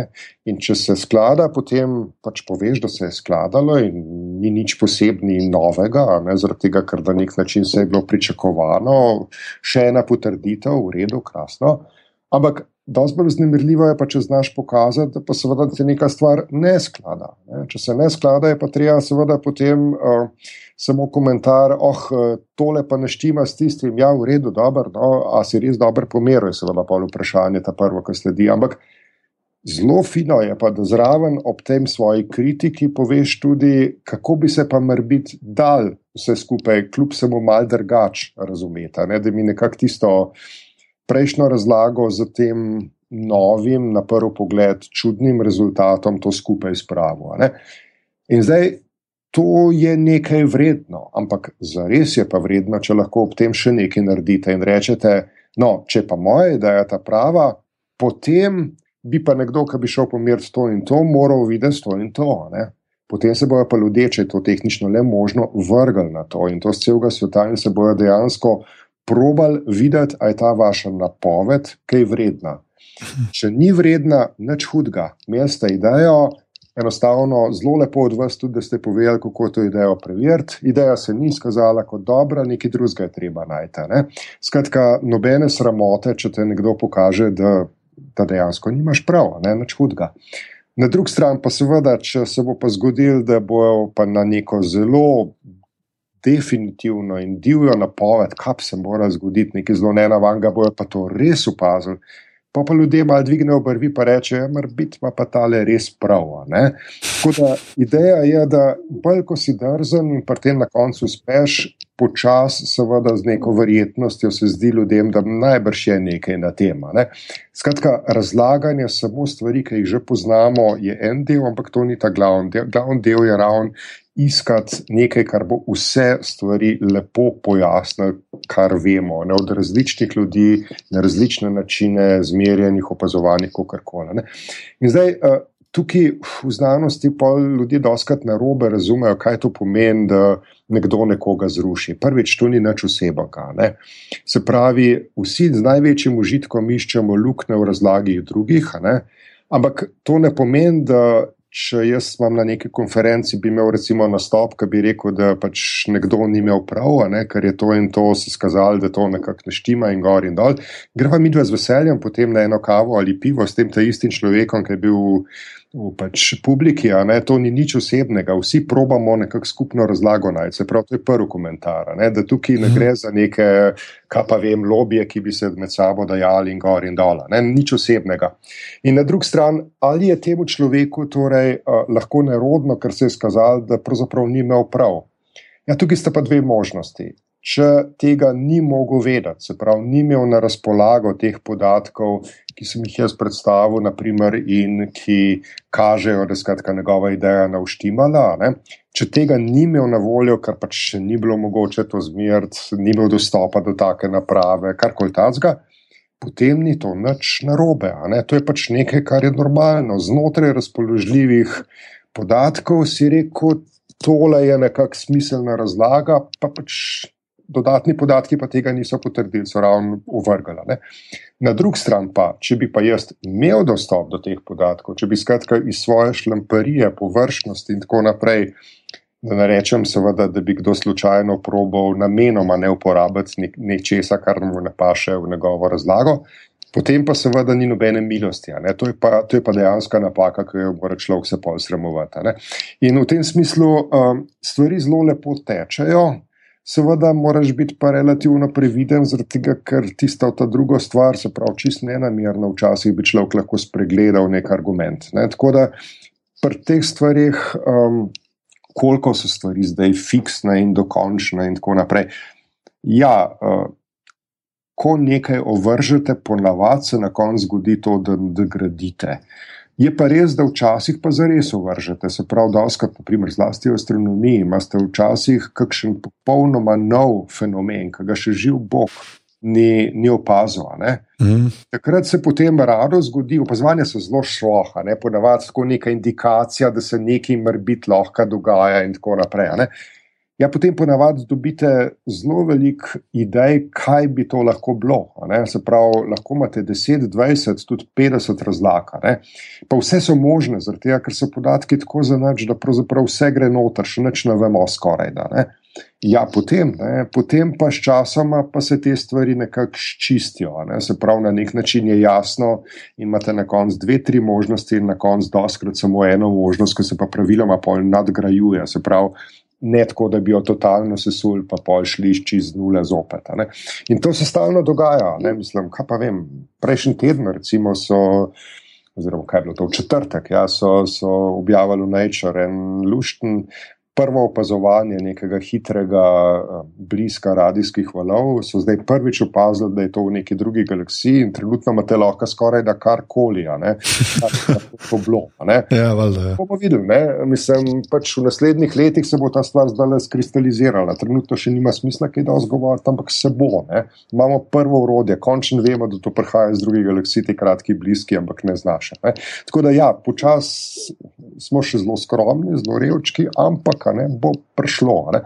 In v tem smislu, ne, uh, niti približno uh, to, kar uh, rečemo, je res na fronti, ni popolnoma gotovo. Uh, Ravno to je osnova, ne? da skozi pravzaprav probaš nekako potiskati to fronto dalje. Je pa res, ne? da se pa ljudje pa doskrat pa premalo zavedajo, da če pa sežejo neke stvari, ki so že nekaj časa, rečemo temu, zelo očitne, kako izgledajo. Ne? Tam pa pravzaprav ni več nobenega zraka za kakšne bistvene spremembe. Naprimer, kaj pa vem, se mi zgodi, da pride kdo kdo na vrata ne, z novo idejo, kako se planeti gibljajo okrog Sonca. Ja. Če je tak človek uh, starejši od mene, moram biti na prvi pogled uluden, ne? ne, ne, da zopet uh, pač probam poslušati. Potem pa seveda. Čez nekaj časa mu pa razložim, da pač bi morala njegova razlaga pojasniti ogromen enih opazovanj in to izjemno natančno. In da je mogoče bilo dobro, da gre do knjižnice in da si te knjige, pa mu jih je ne padne, šte meham pogleda in da bo mal videl, kako in kaj je ta evidenca, ki jo imamo za to razlago, ki jo imamo z Newtonovim zakonom in tako naprej. In potem doskrat se zgodi, da človek reče, da pač drugih razlag ne bo bral, ker se noče indoktrinirati. In takrat pa seveda jaz zgubim svojo ljudnost in rečem, da pač v znanosti pa skupno skupno znanje gradimo, da pač nišče se ni pameten in edini pameten rodil tukaj. Le, tako da, kar hočem s tem povedati, je, so stvari, ki so fiksne, ne, tako rekoč fiksne. Se pravi, um, če pogledamo, naprimer, gibanje v našem osončju, Številke so noro natančne, kaj se da narediti. Naprimer, vem, razdalja od tukaj do Sonca je znana na meter natančno, kar je nora številka, če pomislimo, da je to 150 milijonov kilometrov. Ja, ja. Potem, recimo, kaj pa vem, uh, sonda Cassini je letela skozi, uh, recimo, mimo, mimo ene lune Enkelat pri Saturnu in se je videl v njeni hitrosti, da se je hitrost te sonde spremenila za 0,1 mm na sekundo in to zaradi tega, ker je letela čez gezirane vode, ki vam šprice iz razpoku tej luni. Oh, wow, okay. Se je gladko videla. Ne? Potem, recimo, prejšnji teden, ko smo omenjali prej le deveti planeta. Ne? Oni so na začetku, pred ne tremi tedni, bila ta objava, pa približen, kako bi bila ta orbita obrnjena. Ja, zdaj so prišli pa prejšnji teden, pa en italijani ven s člankom, ko so pogledali ravno to isto sondo Cassini, ki tako obsceno natančno jo lahko spremljajo zemljo z radijskimi valovi, ne, s tem re, rangingom radijskim, da so lahko na ta način omejili, kje bi ta planet lahko bil, ker bi drugač, drugač zmotil Cassini, kot so oni to naračunali, kot lahko. In so na nek način celotno pot okrog neba zdaj manj kot polovico celotne poti je treba pregledati, ker ostalo dejansko ne more biti, ne, ker je kasini in grede. Ne, da bi to kdajkoli hotel, ne, svojim gibanjem pravzaprav izklju, izključil možnost, da bi tam ta planet bil. Ne, Tako da, ja, ne, mislim, imaš izjemno točne zgodbice ne, uh, in vse to moraš seveda. Uh, pojasniti, če bi hotel imeti, naprimer, novo teorijo o našem osončju in o planetih. In ta stvar je seveda zelo, zelo star in zelo dolg klanec, ne? kjer se prav zanesljivo prej spotakneš, prijem priješ do vrha. Tako da so stvari, ki stojijo, ne? so pa stvari, ki so na fronti in kjer je največji užitek ravno to, da probamo najti fajn razlago. In te stvari na fronti je veliko, ne končen. Omenili smo pri kozmologiji, uh, iz česa je vesolje. Ja, kaj pa vem, ene, dva, tri odstotki so zvest, pa planetov, pa take običajne snovi, še ene dva odstotka sta to vrstne enake snovi, se pravi atomov, ampak med, med galaksijami. To skupaj prenese tam ene dobre štiri ali pa proti petim odstotkom. Pa ima v tem velikost nared 20 odstotkov temne snovi, 75 odstotkov približnje pa je pa tiste temne energije. Za te zadnje dve temna snov, temna energija, ne vemo, kaj je. Ne. Iz tega gladko vidimo, da astronomi smo, uh, kot doskrat rečem, zelo sposobni govoriti, ampak na prvi pogled uh, ne vemo skoraj ničesar, ne. se vemo samo nekaj o mogoče petih odstotkih. Ja, to sem pa zanj poslušal, en Radio Lab, ki je mm. nek eksperiment v Ameriki, v neki, eh, nekem zla, uh, rudniku zlata, imajo pod zemljo, hočejo ta dark matter Ja, je, slišati je. v eni vodi, pa potem. Ja, res ja. neka taka bizarka, sploh nisem vedel, kaj mi razlagajo, tri četrcajte, ampak ja, čis je hodo, ker, kao, ker je tako globoka una luknja, da ni tega kozmičnega sevanja. Ne. Ja, ja, ja. Seveda, vse take zadevšne se dogajajo in ravno to, da, da sprav skupaj tak eksperiment, s katerim bi res lahko nekaj naredil, je že samo po sebi precej vznemirljivo, saj za mene, ali pa noro, kako koli gledaš. Uh, ampak na drugi strani pa nekaj res, ne, ne vemo marsičesa, ampak uh, je pa tako, ne, narava je zvita, ni pa zlobna, to je stara Einsteinova zgodbica. Ne. To pomeni, ne, da tudi če ne vemo v 95% vesolja natančno, kakšno je stanje oziroma kaj to za ena stvar povzroča. Ja, iz teh 5 odstotkov je tako, kot neka. Doskrat imamo eno tako primerjavo, rečem, da, da je to nekaj tazga, kot da bi bili mi mal, kako bi rekel, uh, da ne bi imeli vseh čutil dobro razvitih in recimo če ti o petih odstotkih vesolja, se pravi običajna snov, zvezde, planeti, plin in tako naprej, o tem nekaj veš, ostalem pa bolj mal.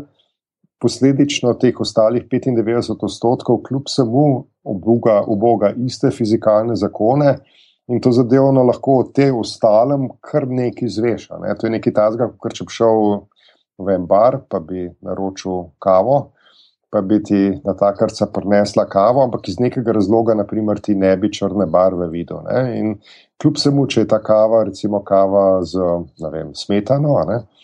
bi lahko pogrunil, da šalca ni prazna, ker je na vrh smetana, na čem mora plavati, ne? bi lahko šalca potresel, bi pogrunil, da torej. Uh, Spot je, kot kaže, neka tekočina, ker se neki valovi pojavljajo v tej smetani. Uh, in skratka, vedel bi celo, koliko je tiste kave noter, vse, kar je podsmetano v volumno šalce. Ne? Nekako tako smo mi s to temno snovjo in temno energijo. Je pa res, ne, da seveda nimamo okusa kave in mm, nimamo vonja kave. Se pravi, marsikaj nam še manjka, tisto bistvo nam najbrž še manjka. Ne? Ampak ja, ne, se da kaj tega, ker tudi tista kava, uboga biti v šalci, ne bo skočila ven, pa se skrila pod stol, razen če se vda šalce nagdaš. Ne? Tako da to pomeni, uh, na nek način se da v marsičem kaj sklepati, kljub temu, da so tvoje znanje in informacije nekako nepopolne. Fiska štima pa vsod, to je tisto, kar je bistveno. Ne? Mene pa zanima stvar, zakaj recimo doskrat, ko pride do teh novih odkritij, recimo sploh v našem sončku, recimo govorimo o kakemu, uh, kakemu kometu ali pa ali pa recimo kakšni taki zadevi, da doskrat piše, recimo odkril ga je pa ne vem, amaterski astronom. Mislim, to meni vedno tako zmoti, oziroma ne zmoti, na nek način se mi zdi, da uh, ti da kar mogoče, uh, da biš kar želel, ali pa, ali pa ne vem, da biš kar želel, ali pa samo zavest, da bi šel kar sam gledati nebo, pa mogoče bom pojedel, kaj odkril. Ja, uh, torej, treba se zavedati, ne, da dve, dve, tri stvari ste tukaj. Zapravo, prva zadeva. Um, Ja, ne, ne bo je veliko. Ne. Se pravi, in uh, danes lahko uh, na domačem dvorišču z enim privatnim teleskopom, ki vas stane morda v rangu velikosti, predvsem manj kot kakšen mehen avto, ne, se pravi, recimo za tisoč evrov. Imate kar dobre opazovalne zmožnosti, kar bo na koncu štel, je ne vaša uprema, ampak bo na koncu zelo bistveno vaša natančnost pri delu, vaša ustrajnost, do neke mere tudi, tudi to, da niste nekje, ki je skozi oblačno in tako naprej. Ampak predvsem to, da, da te, ta prvi mrz ne bo, ne bo spravil proč, da te ta prva tehnična težava ne bo, da bo zelo natančno obdeloval podatke in tako naprej. Skratka, veliko dela je veliko entuzijazma, ampak na koncu šanse. Ne? Se pravi, se da, natančno to. Nekakšne komete, doskrat še zmeri odkrijajo uh, ljubitelji, ne? se pravi, materije. Zdaj, uh, ne vedno, zaradi tega, ker zdaj imamo pravzaprav vedno močnejše pač take preglede neba, se pravi, da. Se avtomatsko velike kamere pregledujejo nebo, skratka, nekako profesionalen pristop. Ta pristop je pravzaprav nekako sta to dve komponenti. Na eni strani je to iskanje zlasti objektov, ki bi lahko zašli v bližino Zemlje, se pravi potencialno nevarnih objektov. Te stvari se je predvsej zdaj v zadnjih 20 letih naredili, recimo okrog leta 90 smo mogoče od takih večjih, rečemo več kot 100 metrskih teles, ki bi lahko kdaj padla na Zemljo, jih mogoče poznali rang velikosti 5 odstotkov ali kaj takega, zdaj smo pa tam nekje na 90-95 odstotkih. Se pravi, tukaj se je veliko velik naredilo. In to so večinoma naredile take kamere, teleskopi, ki pregledujejo nebo. Recimo, zlasti na Havajih je tako pomembno opazovalno mesto in veliko tudi kometov odkrijajo ravno tam, ne razni no, projekti, kot je Linear in tako naprej. Ampak, ne, mi grede, naš črni vrh, ne, eh, Herman Mikuš s kolegija, ne, so odkrili mnogo tega ne, in mnogo teh objektov v preteklosti. Ne, tako da se še zmeri da. Je pa zdaj tako, no, z leti se bo pa ta stvar vedno bolj zapirala, zaradi tega, ker je res, da zdaj bo pa ta celoten pregled neba tako globok narejen, da pravzaprav ljubiteljski astronomi nekako ne bodo več odkrivali novih stvari. Tako v 21 letih se bo ta stvar žal zaprla. Ne. No, se, pa še eno podprašanje, smo varni, kar se tega tiče, da ne bo kaj padlo na nas. Z... jo, no, ja, mislim, to je, je zmeri tako, uh, ali smo varni. Uh, garancija, seveda, da ni. Ne. To pomeni, lahko bi se zgodilo, da kakšno telo dejansko je na poti. Uh, in da bo tršila v zemljo. Končno ni to nič nenavadnega, bilo tudi v preteklosti. No, jaz mislim, jaz mislim, kaj več, mislim, več večjega. Recimo, imeli smo pred par leti, recimo, mislim, da je bil nad Rusijo tisti ja, največji komet, ki je bil tudi posnet na kameri in se, in se je ja. lepo videlo. Um, ja, ampak tisto tist, pač telo je bilo tako, ne? ta čeljabinski je bil, ja, kaj pa ja. vem, rang velikosti kvečemo par deset metrov, ne, okrog 30 mm. metrov, nekaj tajnega se mi zdi, da je bilo. Da, ja, to je pač telo, ki je nerodno, če vam pade na hišo, ne, ker o tem potem ne bo čala. Ne. Uh, je pa res, ne, da ni sposoben pa porušiti kaj več kot ene vasi ali kaj podobnega. Mm. Prav, relativno lokalna. Uh, Lokalna škoda. Ne. Mhm. Zdaj, seveda, še večje telo bi pa lahko povzročilo kakšne bolj globalne stvari. Ampak prva stvar, ki se jo treba zavedati, preteklosti ni bilo čist nič bolj nevarno, kot je danes. Ne? V resnici je pa danes manj nevarno, zaradi tega, ker, kot rečeno, med petimi odstotki in 95 odstotki je neka razlika. Naša, in posledično bi zdaj v večini primerov bili predvsej vnaprej obveščeni. Ne bom pa rekel, da vedno. Ne? In se je treba zavedati, da nikoli ne bo ta številka popolnoma 100 odstotkov in pač, vas to tako močno vznemirja, da ne morete spati. Ja, recimo tisti globoki rudniki so uporabni tudi za tako stvar, če imate veselje, pač spad globoko pod zemljo. Ampak jaz osebno globoko pod zemljo spad, ker če ne drugega je zadušno tam spodaj. Mhm. Okay, no, se, ne, hotel sem to še reči, vprosti, Anže, hotel sem to reči, da tudi, tudi te večji uh, kometi, če sem prav rekel, da ne bom rekel asteroidi, ampak kometi, recimo, ja, niso, ni neki to vsakdanje, sigurno niso tudi nenavadni. Mislim, da je nekaj več kot sto let nazaj, ni bilo nek, v, na Sibirijo. Um, ja, ja, to je bil, to je bil Tunguska, primer. Tunguska, ja. ja. Tunguska. Zdaj to je tako, uh, ravno kometija. Ne? Kometi bodo tudi v prihodnje neka možnost, da se lahko kdaj kaj zgodi. Namreč kometi imajo to. Um, Neugodna lastnost, ne? dve, dve vrste teles lahko padete na Zemljo. Eno so tako zvani asteroidi, Te večinoma izvirajo iz območja tam nekje med Marsom in Jupitrom, se pravi, relativno ne zelo daleč od nas. In če slučajno sekajo zemljin tir in je zemlja, seveda, takrat tam, potem vam lahko padejo na glavo, ampak kot rečeno, te stvari lahko odkrijete že takrat, ko so tam, med Marsom in Jupitrom, vidite njegovo tirance in vidite, skratka, kako, kdaj ga bo zaneslo sem. In ker potuje stalno po isti tiranci, se da to stvar vnaprej vedeti, recimo tudi mnogo deset let vnaprej, kaj se bo zgodilo. Mm. Pri kometih je bolj neugodno, zaradi tega, ker osnovi kometi pridajo od relativno zelo daleč, iz enega tako zvanega ortovega oblaka, zelo, zelo daleč pomeni tako rang velikosti več tisoč razdalj Zemlje, Sonče, lahko tudi deset tisoč razdalj Zemlje, Sonce. Tam zunaj ga ne boste videli, niti približno, ne, nobene šanse. Ne. Komet vidite dejansko šele takrat, ko prije v bližino Sonca, in pravzaprav, če pride v bližino Sonca, ker potem začne vse z njega pršeti, hlapeti, sublimirati in nastane rep in vse take zadeve. Skratka, uh, ja, in če se slučajno zgodi, da gre v bližino Sonca, tako rekoč prvič. In da bo direktno nagazil na zemljo, potem je vaše obvestilo vnaprej relativno kratko. Se pravi, lahko se zgodi, da ga, da ga dobesedno samo, ne vem, pri nekem večjem telesu, par mesecev naprej, vidite, pri manjšem telesu lahko tudi samo dneve naprej, ne se lahko zgodi. Ne?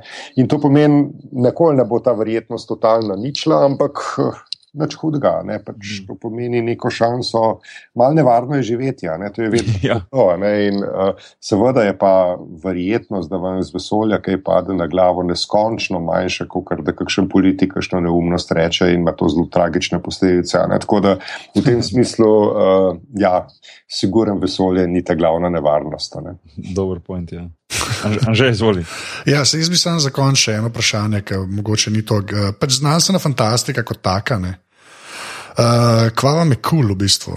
To, to bom vprašal. Ali ste tako, kot mi dva pri basketu, ki gledava basket filme, pa obolevava pol zraven, ker veš, da tam nič ne znajo. Ne? Ampak tako, aj, kakšen, aj kakšen, ali pa saj Star Trek ali pa kaj tasga.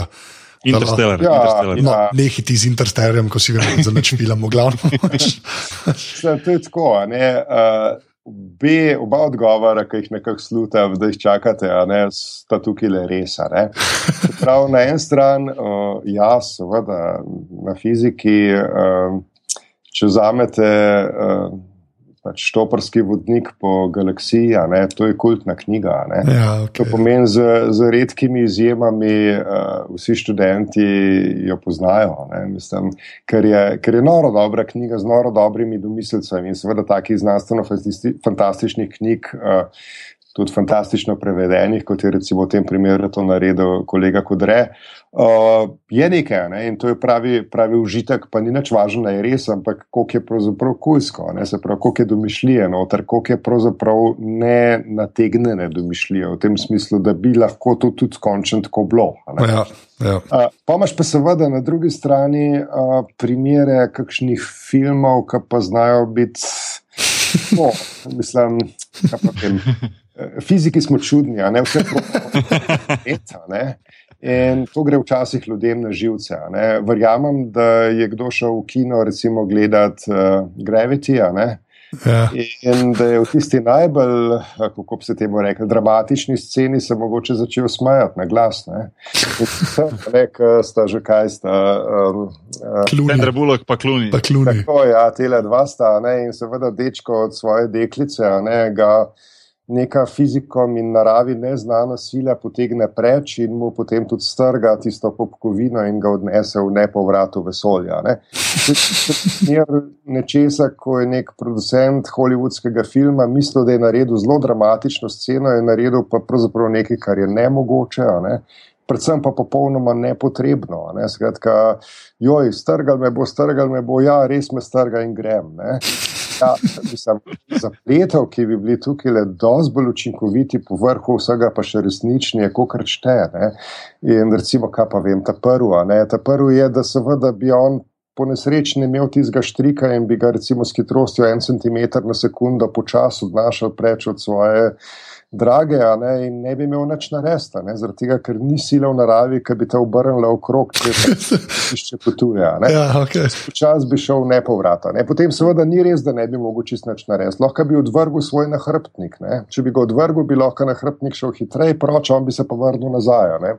Oh, wow, okay. Ta, pa recimo še ta tretja varianta, ki pa se mi zdi najbolj kulska, nekaj malo zdaj z raznimi filmi o Marsu, eh, eh, križama. Ne. To je pa to, da bi pa mogoče svoje rokavice počasi spustil malo zraka, pa bi se več hitrostno spremembo naredil. In kar je noro pri tem, je, da če poračunaš, da recimo, da on potuje po isti tirnici okrog Zemlje za njo, ne, pa je oddaljen, vem, 10 metrov ali pa 100 metrov, ne, kaj moraš zdaj narediti za to, da boš na nek način jo ujel. Človek bi mislil, uh, špricant moram z rokavico preč od nje, pa jo bom ujel, ker me bo tako potisnil, kot pa raketi. Najbolj zabavno je, da ravno obratno velja v tem primeru. Se pravi, špricant moraš proti svoji dragi, ne, pa te bo eno tirnico kasneje pripeljal to točno tja, kamor je ona, kjer je ona, ne, pa se boste zopet srečala. Skratka, ni kratko za ne, mislim, unti špricne rokavice proti nem, ta zaupija, Marija, na robe si naredil in potem proti koncu filma se on oglasi zopet, a ne, ker po eni uri pa pol obrata okrog zemlje, prijeta skap spet. a ne. Tako da So take zadeve, a ne, ki bi jih nekdo, ki ima par milijonov v budžetu filma, lahko researchal. Ja. Ampak tukaj vidiš, da pač um, z redkimi izjemami nikoli ne grejo s ta pravimi ljudmi na kavo. a ne.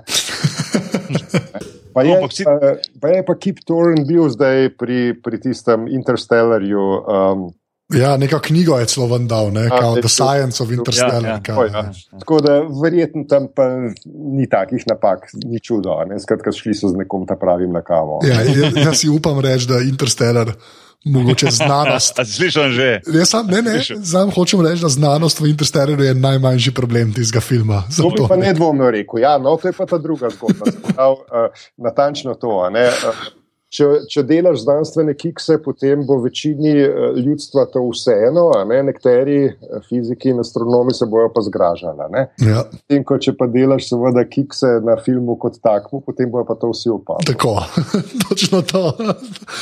Ja, to mislim, da lepo piše No, Interstellar. ampak, ampak ne glede na vse te kikse, nekako bi se pa verjetno strinjal, da recimo vsi ti filmi, uh, recimo te zdaj o Marsu, ne vem, potovanje v vesolje, na nek način pa je vseeno to, da rečem temu pomembno, da nekako spodbudijo recimo v nas, pa če ne drugega, recimo v tistih odgovornih ljudeh, ki potem dajo na koncu denar za to, da se lahko še naprej te misije razvijajo. Ne? Je pa to pomembno, da to nekako nas žene naprej, ta želja po odkrivanju vesolja. Pa, pa tako naprej, tako naprej. Recimo, sploh ta film, kaj je Ja. bil uh, Mar The Marsovec, ne, The Martian, recimo, mislim, da je ravno zaradi tega. Ja, So bili neki povezavi z NASA, da je potem NASA dala dodaten denar v budžet, no, oziroma ne NASA, pač, um, uh, da je NASA, dob- NASA je dobila potem denar. Uh, tudi s pomočjo tega filma, in tako naprej, da so lahko naprej delali na svojih projektih. Ja, verjetno smo danes v takem svetu, da moraš tudi s takimi prijemi iti. Tako, ja. Čeprav pa na drugi strani moram pa reči, da uh, tudi če nimaš filma, ampak če imaš sam realnost, ne, pokaže, da se da marsikaj zabavnega narediti. ne. Recimo prejšnjo poletje, ko je pač uh, Rozeta prišla, prišla zraven tega uh, kometa, čudimo ga je Simenko. To, kakšno terenco je naredila in kako dobro je vse zadela, in gor in dol. To se je ljudem zdela dejansko znanstvena fantastika. Ne? Sej min grede ni, ne min grede so take stvari že dlje časa znane, kako se jih počne, ampak zopet enkrat smo prvič demonstrirali, da se eno stvar da narediti in na koncu pristati na kometu in ne vem kaj podobnega. Tako da imaš nek realen dogodek, ne, ki je dejansko tvegana misija, je zelo natančno potrebo izvesti. Je na koncu uspelo, ne, so bili veseli, da je uspelo, in to je tudi na nek način, se mi zdi, ogromen, bi moral biti, ne, ogromen pospešek naprej, ker očitno se pa splača, če ljudje se zares potrudijo. ne, Zaradi tega, ker treba je vedeti, um, tukaj je zadnji ne samo kaj do znanja, ampak tudi seveda ogromen enega dela zelo velike skupine ljudi. Ne, in to seveda nekako indirektno kaže, da tako kot svoje čase na Luno, se da še zmeraj delati take epohalne premike dalje. Ne. In v tem smislu, ja. Uh, Zdaj, kako se pa seveda na koncu na politike vpliva, je pa druga zgodba. Ne. Zelo verjetno imate prav, ne, da je treba tudi prek to vrstnih filmov, ampak uh, ja, mislim, spet za mene je doskrat tudi poslušanje in spremljanje kakšnih uh, roverjev in vozil, ki vozijo po Marsu in kaj vse tam vidijo. Ja, ta stvar je kar zabavna. Ne? Mislim, kar zabavna zaradi tega, ker kaj pa vem. Pomislva, koliko je treba skrb spraviti za to, da tiste vozila čisto avtonomno tam vozijo in raziskujejo, in pravzaprav samo sporočajo, kaj so odkrila, ker jih ne morete šofirati, so predaleč, svetloba gre prepočasno. Tako da na nek način je neka tehnologija tam gor, ki je zelo kulska, ne? saj meni se zdi, ne? in ki na nek način um, ja, odpira neke precej uh, druge horizonte. In recimo, kaj pa vem. Uh, prejšnji teden sem odprl, pa mogoče vidva tudi, ne, uh, če vtipka človek v Google Boston Dynamics. O, ja. Ja, boste videli tiste robote v Kaj ga un muč. Robot, ne. Ne. Tisti je, tist je impresivna zgodbica. Ne? Zopet se pravi, mašina, ki zna avtonomno hoditi okrog ne, in vse sorte stvari počenjati. Ne? Tisti je precej noro. Se edino, kar mi ni všeč, je, če bom kdaj prestal v kažem domu za ustarele, se bojim, da bo strežnica pa tak robot. Ne? To pa ni najboljše. Ampak kaj čma, Ja, samo v življenje. v to smer gremo, se mi zdi. Ja, bi rekel. Ja. Ne, doktor Cviter, res moram, moram priznati, da sem tu imel še ogromno enih praš- podvprašanj postavljenih. In, uh, če vam ni odveč, jaz bi vas že zdaj mogoče čez kako leto ali pa recimo čez, čez kakih Ma 10-12 ja, mesecev, da se še enkrat dobimo, da, ker se mi zdi, da ta tema, ta vesolje, pa sploh zdaj, ko ste se malo dotaknili Marsa, pa tega se da tok tok pogovarjati. In, uh. Ja, bi, bi vas že zdaj povabil, da se še kdaj slišimo. Ja, človek Ja, je ja, rekel, da je ja. vesolje veliko. Haha. Ja, Ma ne, če bomo že našli, da je do špadije, ni to delač.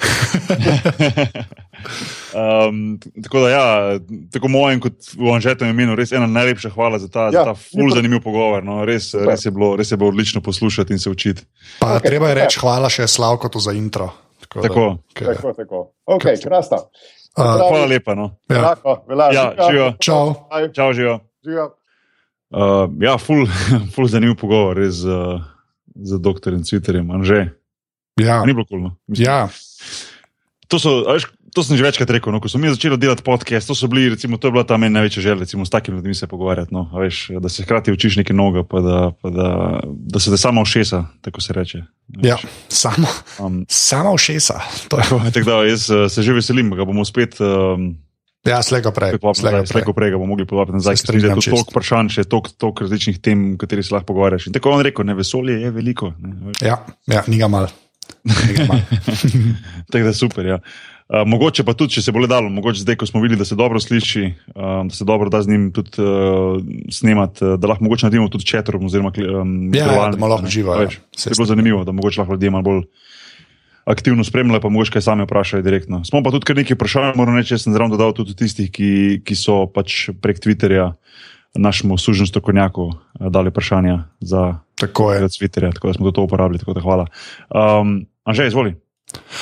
Val podcast podrobnosti je na aparatus.si, aparatus je tudi na Facebooku, podrobnosti imajo svoj Twitter račun, ki ga, tako je Bog je rekel, fura sužen strokovnjak, to je na afna podrobnosti počrtaj si.